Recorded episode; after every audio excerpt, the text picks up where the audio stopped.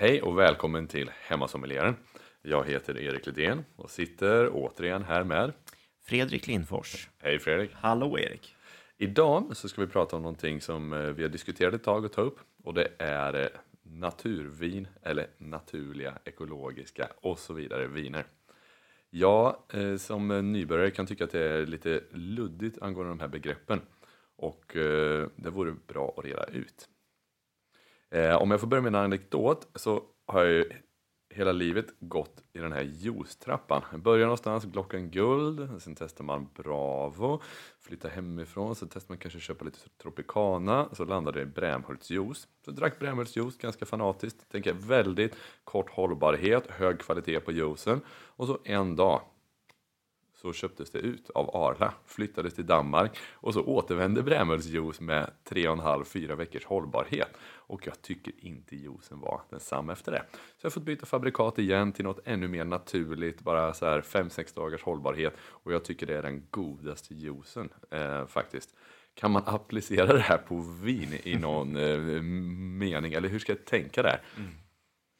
Ja, gud, det här är svårt Erik. Och eh, nu ska vi prata, vi ska ju prata juice, vi ska prata druvjuice tänker jag istället. Men, men jag förstår precis vad du menar och det där är en sån himla snårig djungel där vi ska gräva oss ner i med ekoviner, alltså ekologiska viner, biodynamiska viner, naturliga viner och toucha lite på hållbara viner.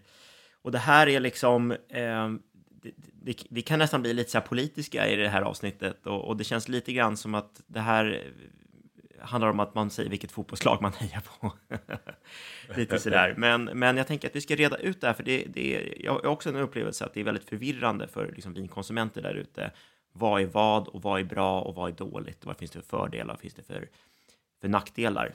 Eh, ja, för jag måste säga när jag går på systemet så tänker inte jag så jätteofta på om det är eh, ekologiskt eller biodynamiskt, men jag ser det liksom fladdra förbi. Mm. Och, och, frågan är, är det någonting jag borde ta mer hänsyn mm. till? Mm. Och sen har vi hela aspekten med naturvin som mm. Eh, du behöver fördjupa. För det känns det som det finns mycket både fördomar, pros and cons och ja, där är det riktigt snårigt. Det här kan bli lite snårigt, så vi, vi, vi sparar natur till lite senare. Vi, vi börjar lite light, tänker jag, och touchar lite grann på ekologiskt. Och där, där är det ju ändå som så att eh, men den gemene svenska eh, eh, konsumenten kikar ju verkligen efter ekologiska viner, ekologiska produkter i mathyllan, eh, liksom kan vara allt från juicer och, och liksom eh, mjölk och, och, hela den biten. Men, men det har också gått in jättestarkt på vin eh, senaste, senaste tio åren så har ju liksom både utbudet och efterfrågan av ekologiska viner gått upp jättemycket.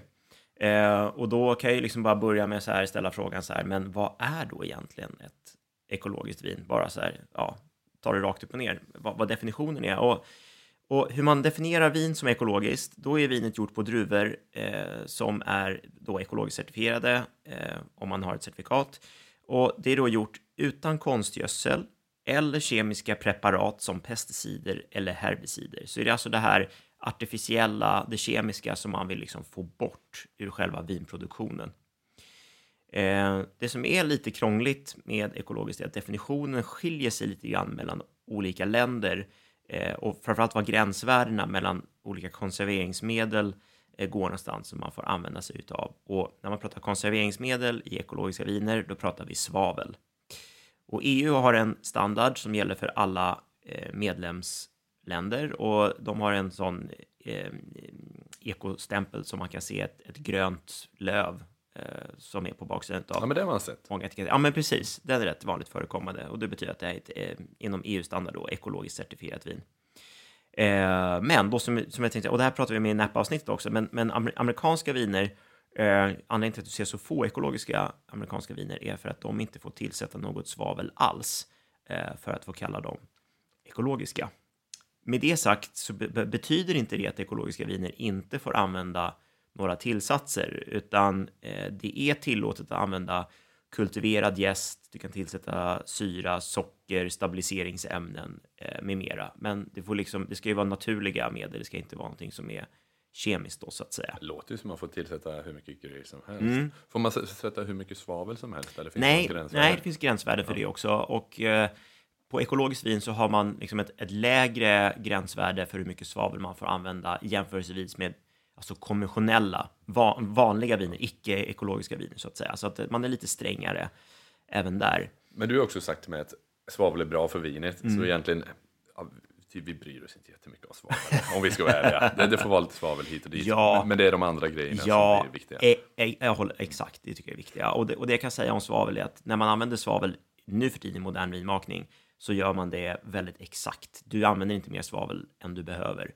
Backar vi bandet liksom 30, 40, 50 år, då svavlade du fritt. Alltså, så att alla gränsvärden för svavel har gått ner ordentligt mycket. Alltså, får inte göra det här avsnittet för tråkigt nu, men, och min, det här kanske inte är en fråga som intresserar alla, men okej, om du odlar en vinjord i 50 år, Mm. du tillsätter inget konstgödsel, hur utarmar du inte jorden då? Kan den liksom leverera vin år Mm. efter år? Det, det som är grejen, eller vad, vad vinranken egentligen är, det är ju egentligen ett ogräs. Eh, så den trivs ju egentligen jätte, jättebra i väldigt liksom, fattiga jordar. Så du behöver egentligen inte ha sådär supermycket näringsämnen för att kunna få eh, vinranken att, att, att växa. Och, och egentligen vill du inte det heller. Eh, för om du har alldeles för, för hög liksom, vigör i, i rankan och, och liksom för mycket näringsämnen i jorden, då blir vinrankan lite lat. Då fokuserar den på att producera blad och lövverk egentligen och mår toppen. Eh, när vinrankan blir stressad, det är lite som med människor, när, när någon sätter press på sig, så här, nu måste du prestera, då, då gör man ju det, alltså så här bra stress. Eh, och, och, och då fokuserar vinrankan istället, istället på att producera goda druvor. För att det är sen druvorna som då är tanken egentligen att fåglarna ska ta, eh, få med sig kärnan, flytta vidare till nästa ställe så att de kan liksom föröka sig och fortplanta sig på... Försöka få det bättre liksom? Exakt. Just exakt. Okej, det därför inga vinrankar på Varaslätten? bland, bland annat. Det är väl en av anledningarna. Ja, Eh, ett litet sidospår, men jag tänkte vi också skulle gå in och prata om liksom var, varför man har ekologiska viner. Vad, vad startade det här någonstans? Nej, men exakt, för vad är drivkraften? Är ekologiskt lika med bättre kvalitet? Eller varför har folk börjat jaga det här? Liksom? Ja, ja, och Godare vin, vad... precis. Det, är också en, det finns ett långt svar på den frågan, men jag, jag, jag, kan ta det, jag kan ta det lätta. Och egentligen så handlar det bara om ekologisk vinmakning handlar ju någonstans om att utesluta att använda kemikalier, att inte använda några kemikalier liksom, eh, alls egentligen. Ehm, men, men, men det behöver inte betyda att det blir ett gott vin. Och det behöver inte betyda att det är ett högkvalitativt vin alls, utan det har att göra med, med liksom andra saker, vad du har för liksom, eh, vinstintresse eller hur bra liksom, eh, ditt druvmaterial överlag är. Du kan fortfarande producera dåligt vin, även om du är ekologiskt, men, men, men du gör det på mer liksom, naturliga principer, skulle man kunna säga. Men hela den här rörelsen med, med ekologiska viner, du får ju backa bandet tillbaks till, till 50-talet under efterkrigstiden, eh, Eh, då de, de här ke kemiska preparaten faktiskt blev tillgängliga eh, för, för vinodlare. Och vi har också pratat om det lite grann tidigare, men det här med att producera vin har ju inte alltid varit en lönsam historia i, i, liksom, i tidigare, före kanske 60-talet. Utan det var kanske en av de sidogrejerna man gjorde med, till exempel om man hade en gård eller så, så producerade man vin och man gjorde olja och man hade djurhållning och lite sådär.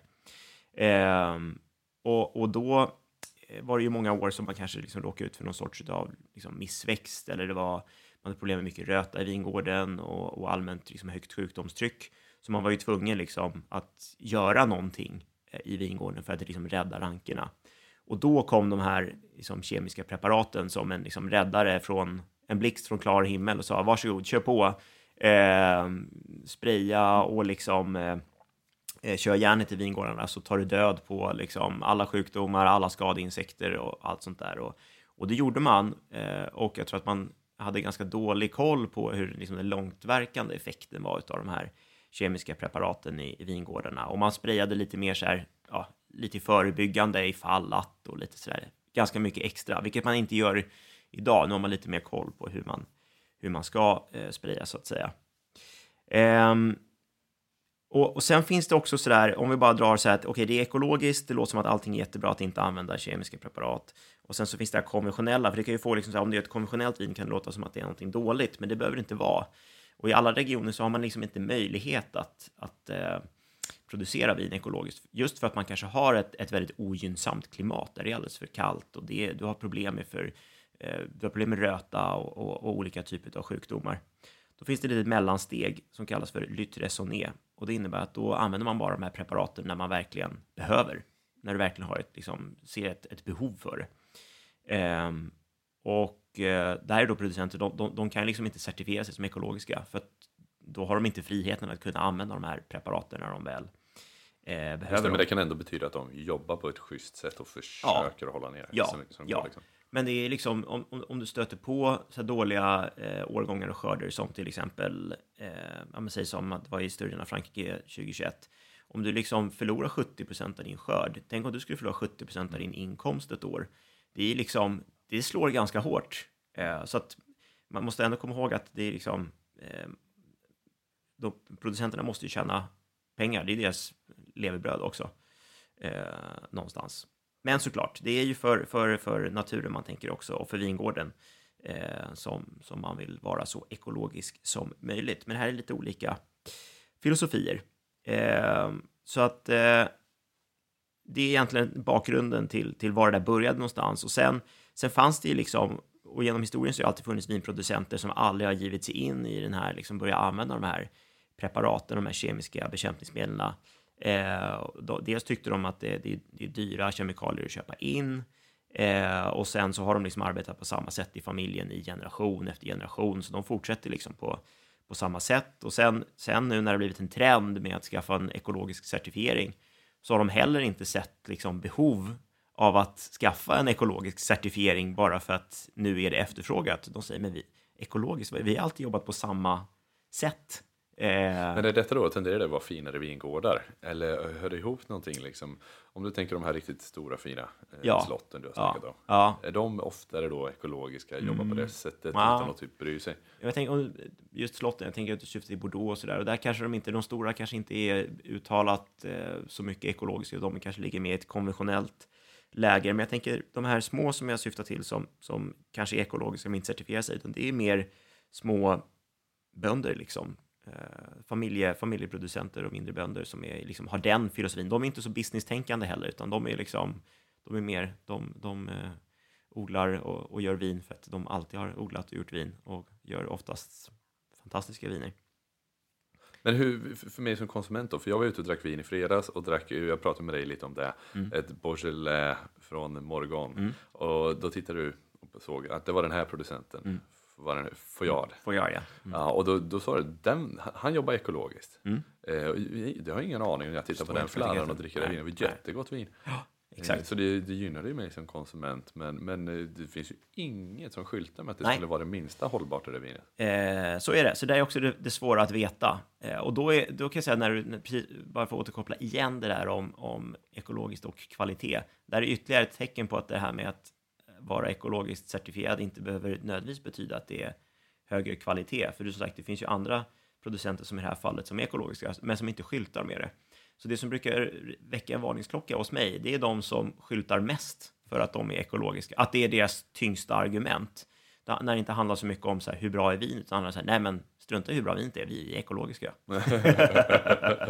Bra regel. Ja, men lite så. Och jag tänker, det handlar ju framförallt om billiga viner.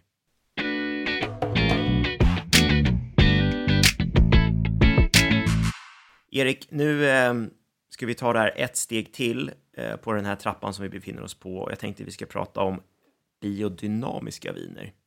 Vad, vad, vad tänker du när jag säger biodynamiskt? Jag, jag tänker på nedgrävda fårskallar i hörnet på åkrar vid Saltokvarn nere i Järna. Eh, och, och jag tänker på att jag har sett biodynamiskt på italienska viner. Jag vet inte om det är extra stort i Italien eller inte. Men, men jag tänker att det är någon, någon, någon sån där, det känns lite hokus pokus biodynamiskt. Men på ett, eh, på ett, på ett gulligt sätt liksom. De försöker väl fixa det lite bra, typ. Nej men eh, alltså verkligen, nej men verkligen. Jag tyckte det var bra. Du hade bra, bra inputs där. Eh, Inte alls fördomsfullt. Nej, men det, men vi, jag tänker vi dyker ner, tittar lite grann i biodynamiken och det är precis som du är inne på, den är liksom inte unik för vin, eh, precis som att ekologisk, ekologisk odling inte är unikt för vin heller. Men, men eh, Eh, så att biodynamiken den kan tillämpas på all möjlig typ av odling och det här är en filosofi som man har hållit på med i, i sådär en hundra år. Eh, och det startade med en, en, en man och en stark förespråkare för den här som heter Rudolf Steiner. Eh, och biodynamiken kan man säga, den utgår ifrån det ekologiska odlingssättet. Men sen tillämpar man ytterligare metoder. Eh, man skulle kunna kalla det lite för så här ekologiskt plus, skulle man kunna säga.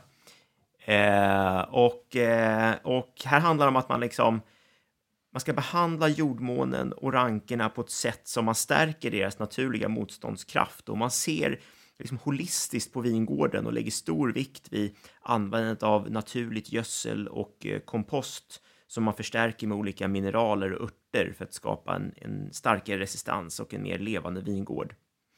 Och det man är ute efter är att skapa en sån här biologisk mångfald i vingården där andra nyttoväxter och rätt typer av insekter trivs. Eh, och utöver detta, håll i dig nu, för nu, nu, eh, nu kommer det bli lite sådär flummigt kanske man kan säga, men, men biodramikerna, de tar dessutom hänsyn till månens olika stadier. Och då finns då liksom lägen då vissa saker ska göras och andra saker absolut inte ska göras i vingården beroende på liksom hur månens dragningskraft påverkar. Och biodynamikerna de har en egen kalender utefter månfaserna och de delar in dagarna i kategorier som blomdag, fruktdag, lövdag och rotdag. Och det här är lite roligt, för det här är någonting som vi som vindrickare kan följa också. Man kan ladda ner en, en app som heter typ så här uh, When Wine Tastes Good eller Best eller något sånt där. Och då kan man gå in i den appen så kan man titta vad det är för dag idag. och som det är rotdag, ja, vad, vad det är en dålig dag. Nej, man kan säga att eh, det som är blomdag och fruktdag, det är bra vindrickardagar. Och när det är lövdag och rotdag, då dricker man öl. Ja, men då ska den inte vara biodynamisk. Nej, men exakt. Eh, då, då, ska man dricka någonting annat. Det är ju liksom lite deras förhållningssätt att, att se på det här. Och, och Eh, här, man kan ju lugnt säga att biodynamikerna har fått lite kritik för att vara eh, lite flummiga i, i, i det här avseendet. Men det jag tycker är så himla intressant i det här, att man kan liksom inte släppa det, utan det är liksom några av världens absolut mest eftertraktade och främsta vingårdsdomäner är odlade enligt biodynamiska principer. Är det så? Ja. Droppa några exempel. Ja, okej. Okay. Men då har du Dom, Domaine de la Romanie Conti, alltså DRC, ja, ja, i Bourgogne. De gör världens dyraste viner. De är nummer ett på listan av allas eh, mest eftertraktade ja. viner. Ja, de var i tidningen nu. Det var ju norrmän som köade utanför norska vinmonopolet. Man ja, kunde ju köpa en sån här. Ja, just det. Ja, och de 75 000 spänn. Flaskan, ja. ja, ja. Det är helt löjligt. Och det betecknades som ett fynd. Jag tyckte det lät helt stört. Ja, jag tror de vinerna ligger på typ 200 000 kronor på andrahandsmarknaden sen. Så att, eh... Har du druckit ett sånt vin? Ja, jag har besökt dem. men, men, du har druckit det? Ja, jag har druckit det. Ja. Är det väldigt goda viner? Det är otroligt goda viner. Uh, man drömmer om dem. Ja, men okej, okay, men det är biodynamiskt. De är biodynamiska. Sen har du också eh, Domaine Leroy i Bourgogne, eh, är också biodynamiska. Jacques Celos i Champagne är också biodynamiska. Alltså det, där är sån här, det där är verkligen topp, topp namn i vinvärlden. Så att man tänker så här att det finns kanske någonting i det här eh, härligt liksom, flummiga ändå. Men har de alltid varit biodynamiska eller har det kommit liksom på senare år? Nej, men alltså, jag, jag, senare, senare tid i alla fall, skulle jag säga. Jag tror att biodynamiken blev stor och drog in i framförallt i Bourgogne under 90-talet.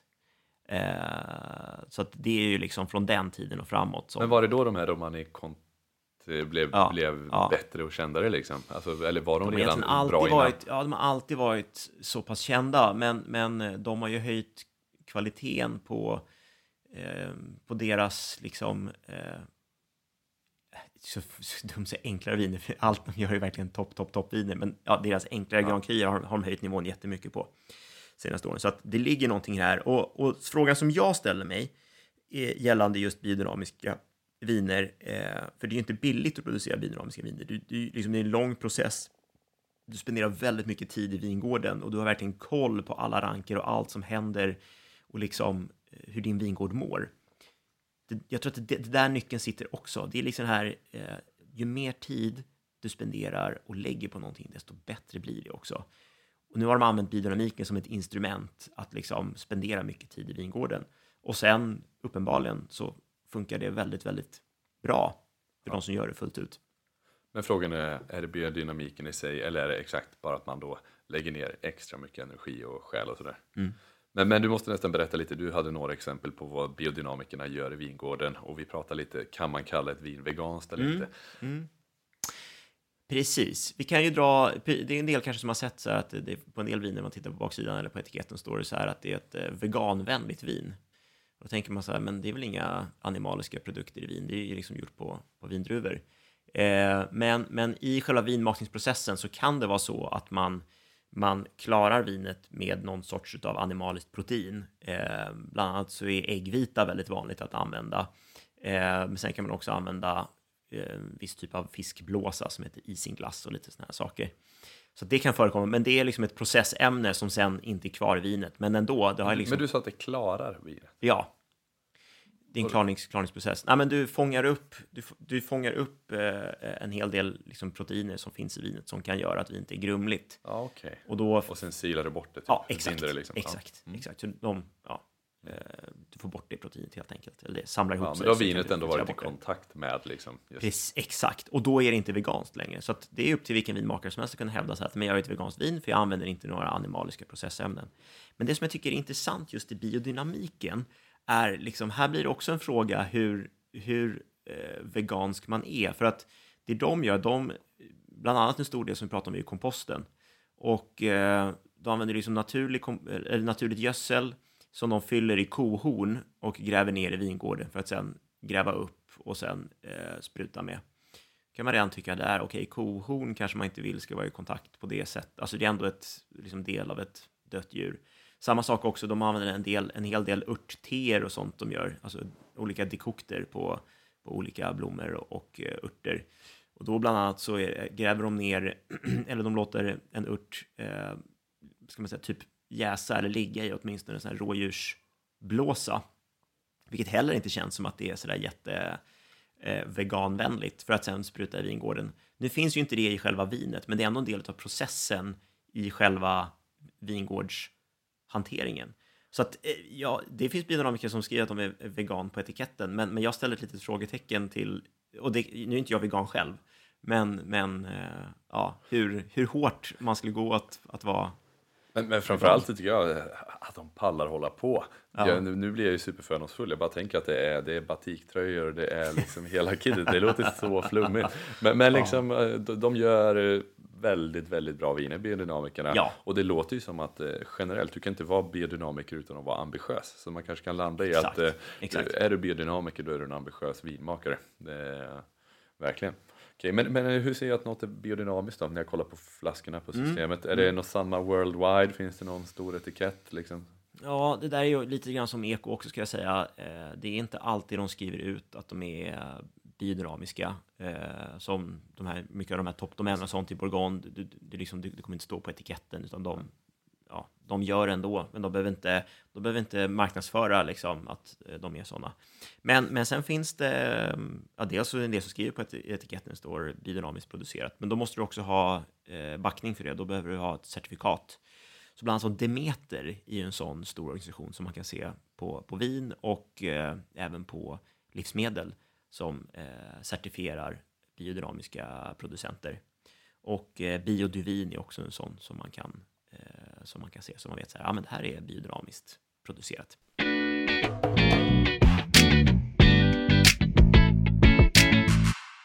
Nej, men du förklarar det här som en trappa Fredrik. Eko, sen kliver vi upp på bio och nu är vi överst på trappan. Natur. Nu luktar det mossa. Nu, nu, nu, är, nu går det inte att se igenom glaset. Eh, naturvin. Det finns få eh, gånger som jag har blivit så misslyckad som när jag har försökt bjuda min fru på naturvin. Hon tycker det är fruktansvärt äckligt. eh, och jag köpte något supercoolt naturvin på nätet för typ två, tre år sedan när jag började bli lite vinintresserad. Eh, genomskinliga flaskor. Det hette så här CA och, och var nästan som en ke- kemi, periodiska systemet beteckning. Och, och det var orange, det var vitt. Ja, men det smakar sådär alltså. De, de, det skulle vara väldigt mineraligt och kalkigt. Det var någon kalkstensjord i norra Italien eh, från någon sjöbotten. Eh, ja, hon tyckte ju bara så här, du, du har ju slösat pengarna och jag tycker absolut inte dricka någonting av det. Så bjuder jag en annan polare på samma vin Ja. och han är eld och det. lågor, tycker det är så ballt och bara wow, har du en flaska av det här? För jag köpte tre flaskor. Eh, och han tyckte det var hur grymt som helst och verkligen så här yes. Så jag antar att det, det här är en fråga om smak. Mm. Ja, men naturvin är en vattendelare. Det här är återigen, vilket fotbollslag hejar du på? Eh, och det här känner man i sommelierkretsar också, att det, det är starka dragningar, att antingen är man liksom klassiskt skolad eller så är du naturvinsdrickare och sen så kanske det är svårt att existera där mittemellan. Men vi ska försöka brygga över det här lite grann och vi, vi måste liksom av, ta bort liksom myten med naturvin och hela grejen och allt vad som ligger liksom bakom och runt omkring och sådär. Och sen, naturvin är ju trendigt. Alltså det går jättetrend i, i naturviner. Ja. Och, och, varför är det trendigt? Mm. Nej, men jag skulle säga så här att eh, det är utmanande att dricka naturvin. Alltså det utmanar dig som drickare. Det är oftast viner som du kan inte gå förbi dem obemärkt, utan du kommer att uppleva de här vinerna. För det kan hända precis vad som helst när du dricker naturvin. Eh, och eh, det, återigen, det här, nu har vi ändå, eko har vi ändå liksom definierat, biodynamiskt har vi ändå liksom definierat. Ja, men exakt, är naturvin då bara du, du slänger druvor i en tunna, du trampar runt i grejen och så bara tappar du upp det? Är det ja, det som är naturvin? Vi ska försöka ge en definition. Det, det finns egentligen ingen, ingen eh, generell definition av naturvin. Det är ganska brett, så att det, det är liksom, är du ekologisk och eh, och tillsätter minimalt med svavel och naturlig jäst så kan du egentligen kalla dig för en naturvinsproducent. Men jag tänker ändå att vi ska försöka ge oss på och ge en liten definition av vad naturvin är.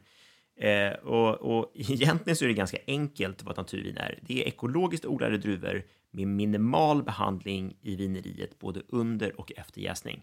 Det låter jätteenkelt. Det låter eller hur? schysst. Eller, eller hur? Ja, verkligen. Ja, men det låter verkligen schysst, ja. absolut.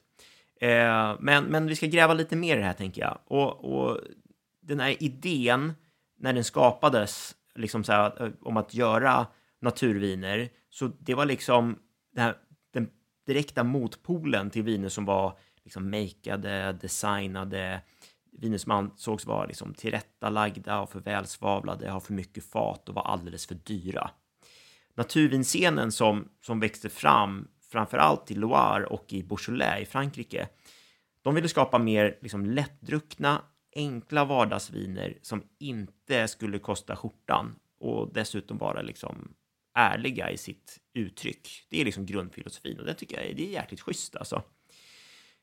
Och om man tittar till liksom de som kanske är lite mer så här ortodoxa naturvinsproducenter, de skulle nog mena att vinerna endast ska produceras med naturmaterial, vilket innebär inga rostfria tankar, inga rostfria liksom, verktyg, inga metall och sådär. Och, och, även om ekfat är ett naturligt material så eh, ska det inte vara någon karaktär av nya fat i vinerna, utan i så fall ska du använda gamla fat. Och alternativt så kan du ha jäskärl i, i betong eller använda amfora och liknande saker, vilket är rätt vanligt i naturvinsproduktion. Amfora, det var de där lerkrusen. Precis, det, alltså. exakt. lärde jag mig på när du lade på. Kör, kör lite quiz om det. Ja, men det är ju väldigt traditionella, traditionella kärl. Eh, och det där gillar man. Alltså, naturvin blir någonstans liksom där back to, back to basic. Det är väldigt gamla stilen att göra vin på. Men jag tror en viktig distinktion då mellan om vi tar ekologiskt och naturvin, vad som skiljer det åt. Eh, för ett ekologiskt vin så får du till exempel tillsätta en kultiverad eh, gäst. Och du kan göra rätt mycket saker i vineriet med ekologiska viner. Eh, men i ett naturvin så där ska du förlita dig till den naturligt eh, förekommande gästen. Och du ska ju liksom manipulera ditt vin så lite som Det är en väldigt hands-off liksom, stil att, att göra vin i. Och, och, lite som vi var inne på där tidigare också, men man skulle säga att naturvinsmakning är liksom den urgamla metoden att producera vin på. Lite som man gjorde liksom för ett par hundra år sedan innan man faktiskt hade koll på vad, på vad gäst och, och, och mikroorganismer Eh, var för något. Och sen tror jag en sak som man, som ändå ganska ofta misstar sig med naturvin, eh, och det är att de, man säger så, ja, man tillsätter ingen svavel och innehåller ingen svavel, men, men eh, och svavel då som sagt, som vi är inne på typ varenda avsnitt, jag vet inte varför, men det, det blir ett återkommande ämne. Eh, men det är ju sagt en antioxidant och en antiseptisk som skyddar vinet och som dessutom uppstår naturligt vid jäsning, så alla viner har svavel i sig. Eh, och svavel är egentligen den enda tillsatsen som naturvinsmakare faktiskt får tillsätta till sina viner. Men de gör ytterst lite och då är det i princip alltid bara innan buteljering för att vinet liksom ska hålla eh, lite bättre. Men det är ja, oftast väldigt, väldigt lite svavel. Och sen finns det såklart de som inte tillsätter något svavel alls i sina eh, viner. Och det kan man oftast utläsa på etiketten. Så kan det stå eh, no added sulfites eller, eller som fransmännen eh, skriver sans sulfite eller sans sulfite ajouté. Men ska man då se naturvin som en ekologisk eh, färskpressad juice, de, de lagras inte. Du köper inte ett naturvin mm. för att ha lagrat tio år utan mm. det här är liksom farm to table, det Mm. är direktkonsumtion. Är det så man ska tänka med naturvin eller? Eh, ja, det är... Överlag skulle jag säga ja. Eh, det, är, det, är, det är svårt egentligen det där. Och, och jag kan ju dra en egen eh, story eller anekdot bakom det här. Och jag var i Sydafrika för mer än tio år sedan och då var det en vinmakare som var väldigt eh, het och up and coming som heter Craig Hawkins. Eh, och han är känd idag för att starta upp det här Testalonga och göra El Bandito och lite sådana här riktigt coola naturviner från Sydafrika. Men det här var innan han eh, var, hade sitt egna vineri och han var vinmakare på ett annat vineri som heter Lammerchuk i Swartland. Jag hade läst om honom eh, och jag hade bokat besök för att träffa honom för en provning och jag tyckte vinerna var superhäftiga. De var ju liksom allt annat än det man kunde stöta på i Sydafrika under, under den tiden. Eh, så jag köpte med mig en låda av hans vin El Bandito eh, och fraktade med det hem på flyget tillbaka till Sverige. Men tyvärr så var det bara två av sex flaskor som klarade resan. De andra fyra vart oxiderade. Oj, Ehm, så det säger en del om, om liksom det, det är skört med en del naturviner också. Ehm, och när du säger oxiderat, hur märker man då att det är oxiderat? de här var rätt tydliga, för det här var ett, ett vitt vin. De hade liksom gått över till en mer liksom, äppeljuice brun färg. och sen smakar det oxiderat också. Det smakar liksom eh, ska jag säga, boken, eh, boken frukt och den tappar liksom sin fräschör och sin liksom, struktur på det sättet. Tyvärr. Eh, så det, det är liksom lite tråkigt. Men, men, eh, men eh, sen är det här egentligen bara, men hur, hur, eh, hur smakar ett naturvin? Du var inne på det tidigare, Erik. Vad tänkte du att, liksom, när jag säger så här, vad, natur, vad, vad får du upp för smakreferenser? Låt nu, ja, jag säger mossa, eh, konstiga toner. Nej, jag vet inte Fredrik, jag, jag har inte druckit supermycket naturvin. Ja. Liksom, men, men, men, det jag har druckit har, har, det, det har smakat mycket liksom, och varit lite svårt att bena i, i smakerna kanske. Mm. Eh, och generellt varit kanske ganska mycket syra. Eh, Mm. Ja, eh, men, men jag, jag, jag tror inte jag har druckit så mycket ordentliga naturviner egentligen. Nej, Kanske inte vågat ge mig på det riktigt. men det är det, jag tror att det är också det som är så intressant. att Det finns liksom ingen, jag tror inte du kan säga att det är en universal smak som du hittar i alla naturviner, utan, men det kan vara allt ifrån det här som är liksom grumliga viner som är lite funky, som är lite stalliga och man hittar liksom lite ja, intressanta toner så, eller så kan den smaka superrent, alltså helt cleant som precis vilket vanligt vin som helst. Och du känner liksom ingen, ja, ingen annan distinktion utav det, utan som sagt, naturvin eller naturvinsproduktion är ju också en, alltså det är snarare en filosofi, ska jag säga, eh, än, än att det är liksom en, en, en gruppering utav en smakkategori utav viner, så att säga.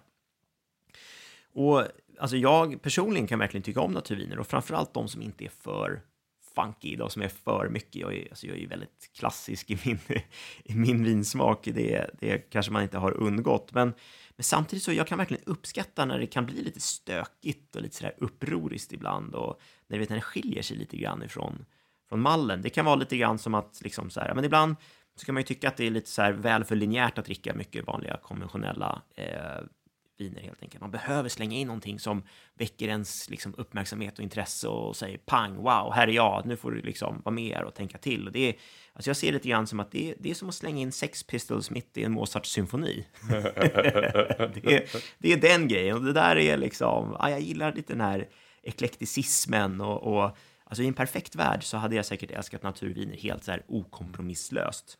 Det kanske är så att det blir lite mycket. Och att man kör en middag, ja, låt, jag blev ju superinspirerad nu. Jag skulle vilja köra en middag där man börjar någon superklassisk Riesling och sådant. Och så någonstans slänger man in en någon Ja. sån. Ja, men Ja. hur, hur ska jag hitta en sån då? Jag kan, inte, jag kan inte kliva in på bolaget på Odengatan 92 och plocka ett naturvin, tror jag inte. Mm, ja, men det finns ibland, de dyker upp lite då och då i, i tillfälliga sortiment framför allt. Det är fasta sortiment tror jag är svårt att titta i sådär. Men, Men men hur vet jag att det är naturvin då? Jag har inte den blekaste. det kan, man, kan gå in, man kan gå in på Systembolagets hemsida och så går man in på eh, jag tror du kan bara söka på naturvin så kommer det upp en del viner. För då står det i, i, i, eh, på, i vinets presentation så kan man klicka på den flik som heter övrigt. Då kan det stå till exempel att producenten eh, säger sig vara en naturvinsproducent till exempel. Så att på det sättet är det, eh, kan, man, kan man söka sig fram till det. Liksom. Men sen finns det en massa små bra eh, vinimportörer som importerar naturviner eh, till Sverige som man kan ha lite koll på. Då är det typ eh, Wine Trade eh, och Vin och Natur till exempel för att nämna eh, två stycken bara. Så man kan surfa in på tips. deras hemsidor och kolla. eh, Och där finns det massa, massa gott vin att, att välja mellan. Ehm, men jag var inne på det också, och jag, jag kommer ju lägga min egna eh, liksom lite åsikt på det här, eller vad jag hittar i alla fall i, i, i naturvin. För det är komplicerat, jag tror att det är det som är grejen. Och, och man ska vara verkligen beredd att utmana sina sinnen när man, när man eh, dricker naturvin. Eh, och, och det är några saker som jag hittar återkommande i vissa viner som jag liksom inte kan blunda för, trots att det är liksom en, en liten rebell i mig ändå som säger så här, ja, ah, det här är coolt, det här är liksom, men sen har jag liksom, jag har ju tränat upp ett smaksinne under rätt många år och så är jag så här, oh, nu har jag hittat någonting som är en defekt och så liksom fastnar jag, så stör jag med det och så liksom kan inte jag släppa det här riktigt. Men, men det är några saker som, som, som jag hittar där och, och dels är det här med flaskvariation som vi pratar om, att det kan skilja rätt mycket från vinflaska till vinflaska och, och verkligen snacka om årgång till årgång. Så det får man också vara beredd på att man kan, man kan stöta på. Men eh, oxidation kan ju också förekomma eh, rätt vanligt, där att det liksom tappar frukt eller faddfrukt eller att det är liksom för mycket vildgäst i form av Brettanomyces eller liknande som har tagit över så det blir som för stalligt och den tappar all frukt och liksom sådana saker. Men eh, de här sakerna åt sidan, jag kan tycka att liksom, okej, okay, jag kan vara fine med mycket av det där. Men, men det som jag ändå har svårast för, det är när jag hittar lite för mycket volatila syror i naturvinet, när det spretar för mycket med liksom syrligheten. Och, och när jag säger volatila syror så menar jag liksom, om du tänker dig vinsyra och, och liksom, eller ja, typ citronsyra som är liksom så väldigt frisk, eh, clean, ren, eh, väldigt liksom så här rak, linjär typ av syra så kan man liksom jämföra det med, med volatil syra som är liksom som drar åt vinägerhållet. Det låter som hardcore kemi, volatila syror. Volatila syra, ja men exakt. Ja. Ja, men då drar det lite mer åt det här spretiga, eh, liksom ättika, vinäger, lite åt det, det hållet. Och, och det där kan liksom, till en viss gräns, absolut, funkar jättebra. Men blir det för mycket så, så tycker jag att det liksom, vinet tappar sin liksom, Och vad har vinmakaren ofta gjort då för att landa det? För jag antar att de vill väl inte ha ett obalanserat vin här? Så jag antar det att det är något i hantverket som gör att det drar dit åt. Ja, men hantverket vara naturvinsmakare är egentligen att göra så lite som möjligt. Ja.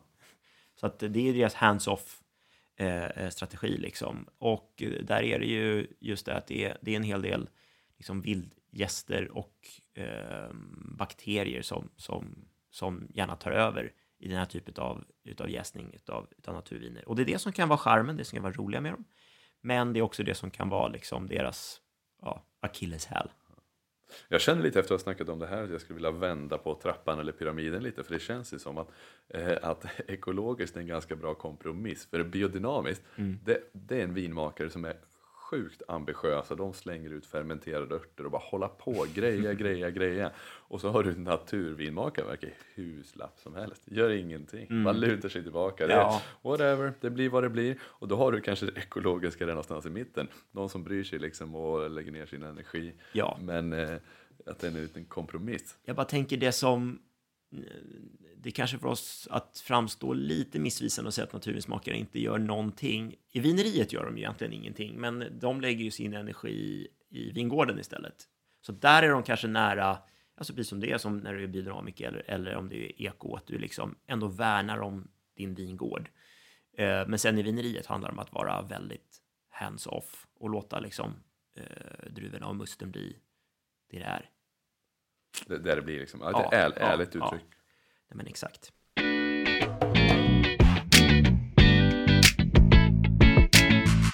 Alright Erik, det var liksom den här lilla trappan med de här stegen som jag tänkte vi skulle köra.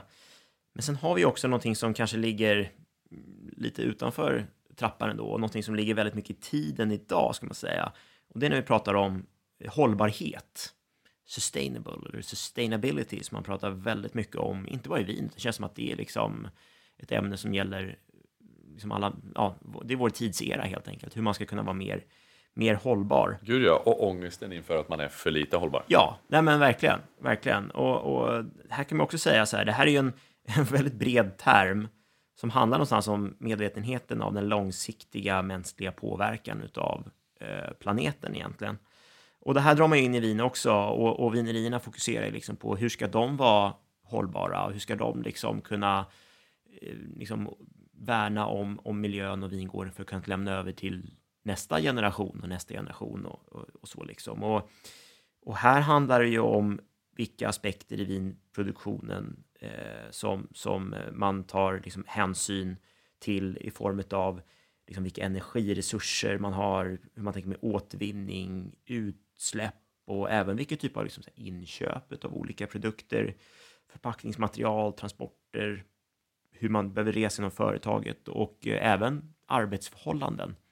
Eh, vilket är väldigt Men skulle du säga att vinproducenter tänker extra mycket på de här grejerna? Om du tänker mot ett konventionellt jordbruk? Ja, det, eller? har blivit, alltså det blir en större och större fråga. Och det här kan man ju idag certifiera sig inom och skaffa ett, liksom ett hållbarhetscertifikat. Och det är touchat del på USA, hur svårt de har haft att liksom, ja, men de kan inte certifiera sig ekologiskt, men då är det många som certifierar sig hållbart på något eh, sätt i, istället. Då, då. Eh, och de, då tittar man ju på det liksom, verkligen den, den stora bilden, eh, skulle, man kunna, skulle man kunna säga. Eh, och eh, det här är också någonting som Systembolaget har, har tagit fasta på.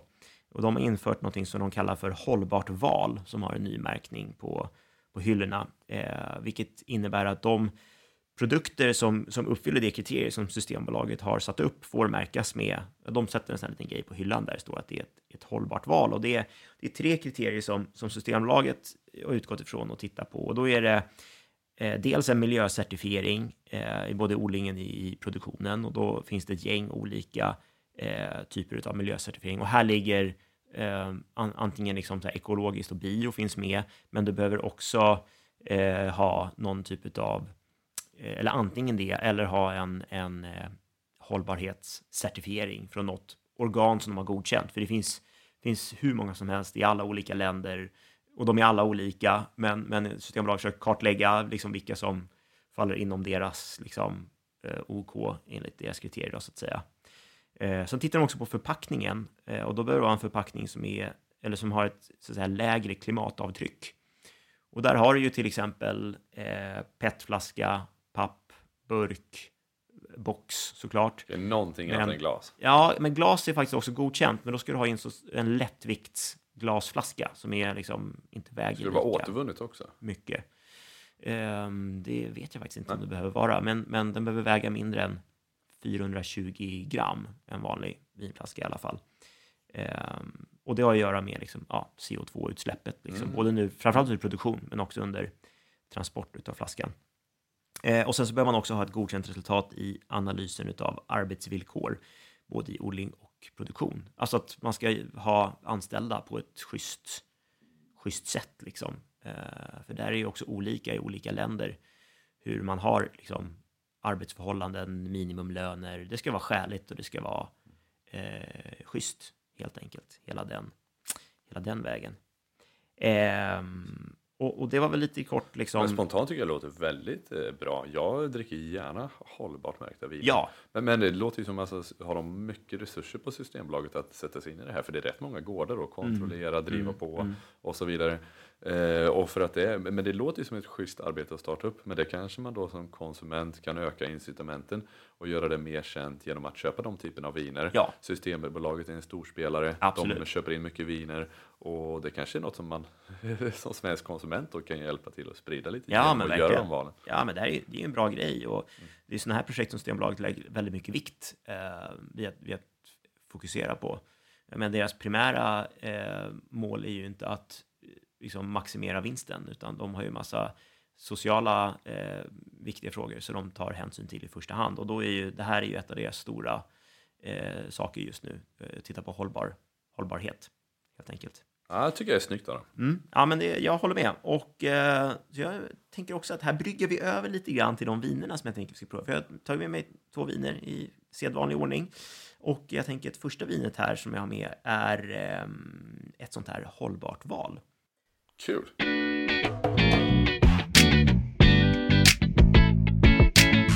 Då så Erik, då har jag hällt upp eh, första vinet här i alla fall. Och eh, det jag har med mig är ett vin som heter Domäne Wachau Riesling Selection.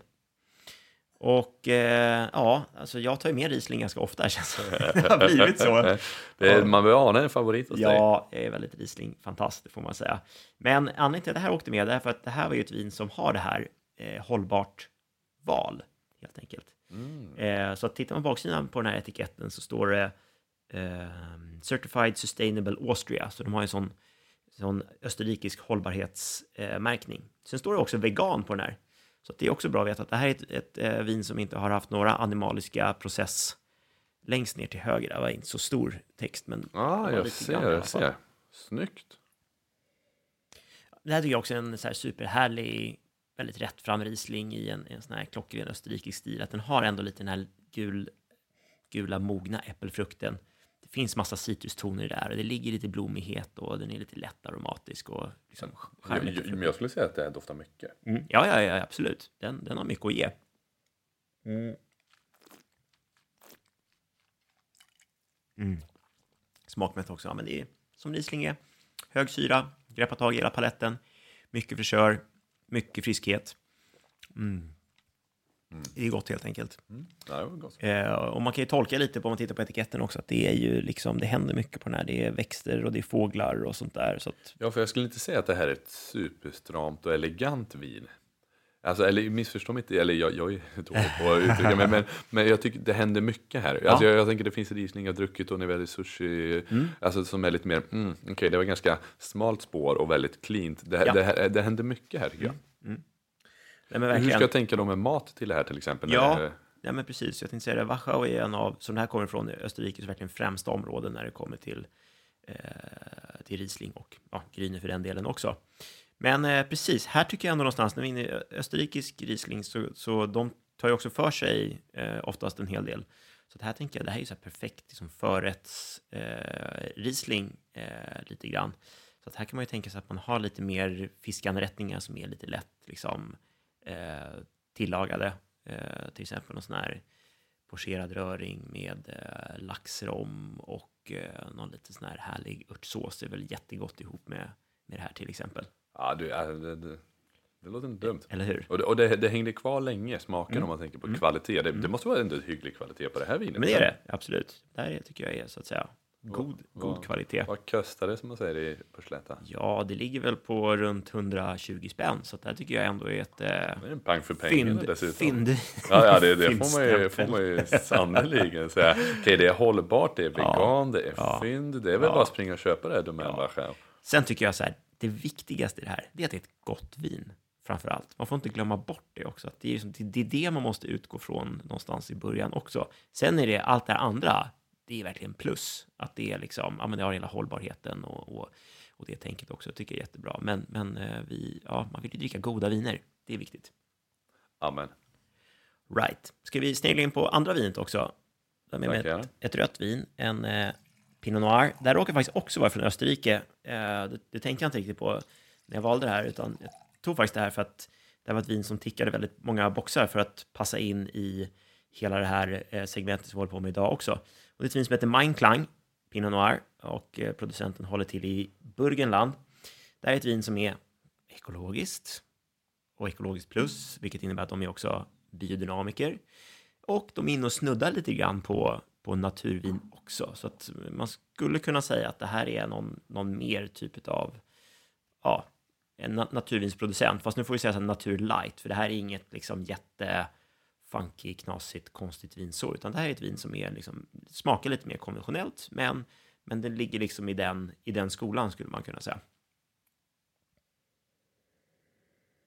Den har ju verkligen härliga, tydliga, liksom friska pinottoner. Du får de här röda, friska bären. Det finns en lite lätt blommighet, du får lite så här, nästan lite rosenblom. Sen finns det också lite sådär, Finns det något läder här eller är jag crazy? exakt, nej jag tänkte säga det, det finns något som nästan är så här lite animaliskt där också. Lite charkuterier, lite läder, lite kryddigt, lite örtigt. Så det händer ganska mycket i det här glaset också, vilket är väldigt spännande.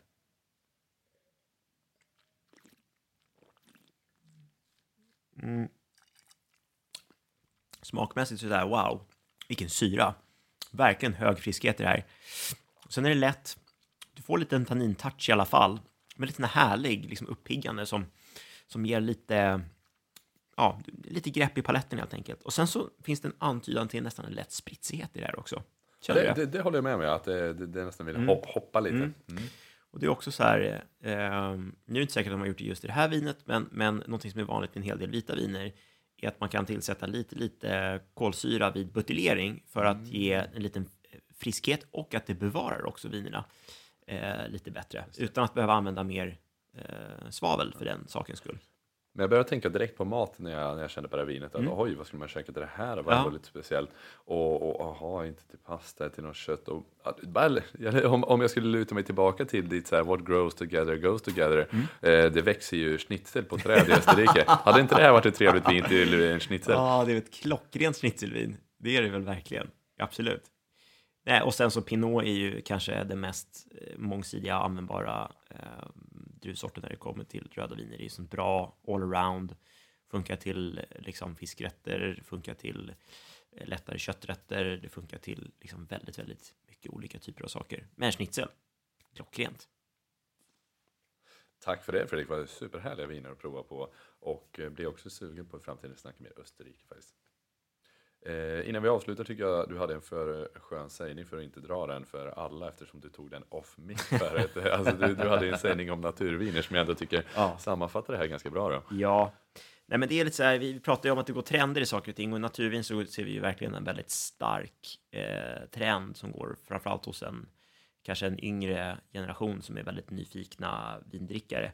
Och det är väl lite det här med att man, man söker någonstans vad som är unikt. Man kanske inte vill dricka samma viner som ens liksom, föräldrar gjorde eller, eller ens farföräldrar gjorde för den sakens skull. Man vill hitta liksom, lite sitt eget uttryck. Men då sa jag lite skämtsamt till Erik här att det är lite grann som den här Willie Crawford-låten. Eh, samma typ av annorlunda saker. Vilket innebär att man söker det alternativa, men alla vill ha samma alternativa. Ja, och det, kanske det naturvinerna är, är just nu då, men spännande att se vad, vad, vad som händer.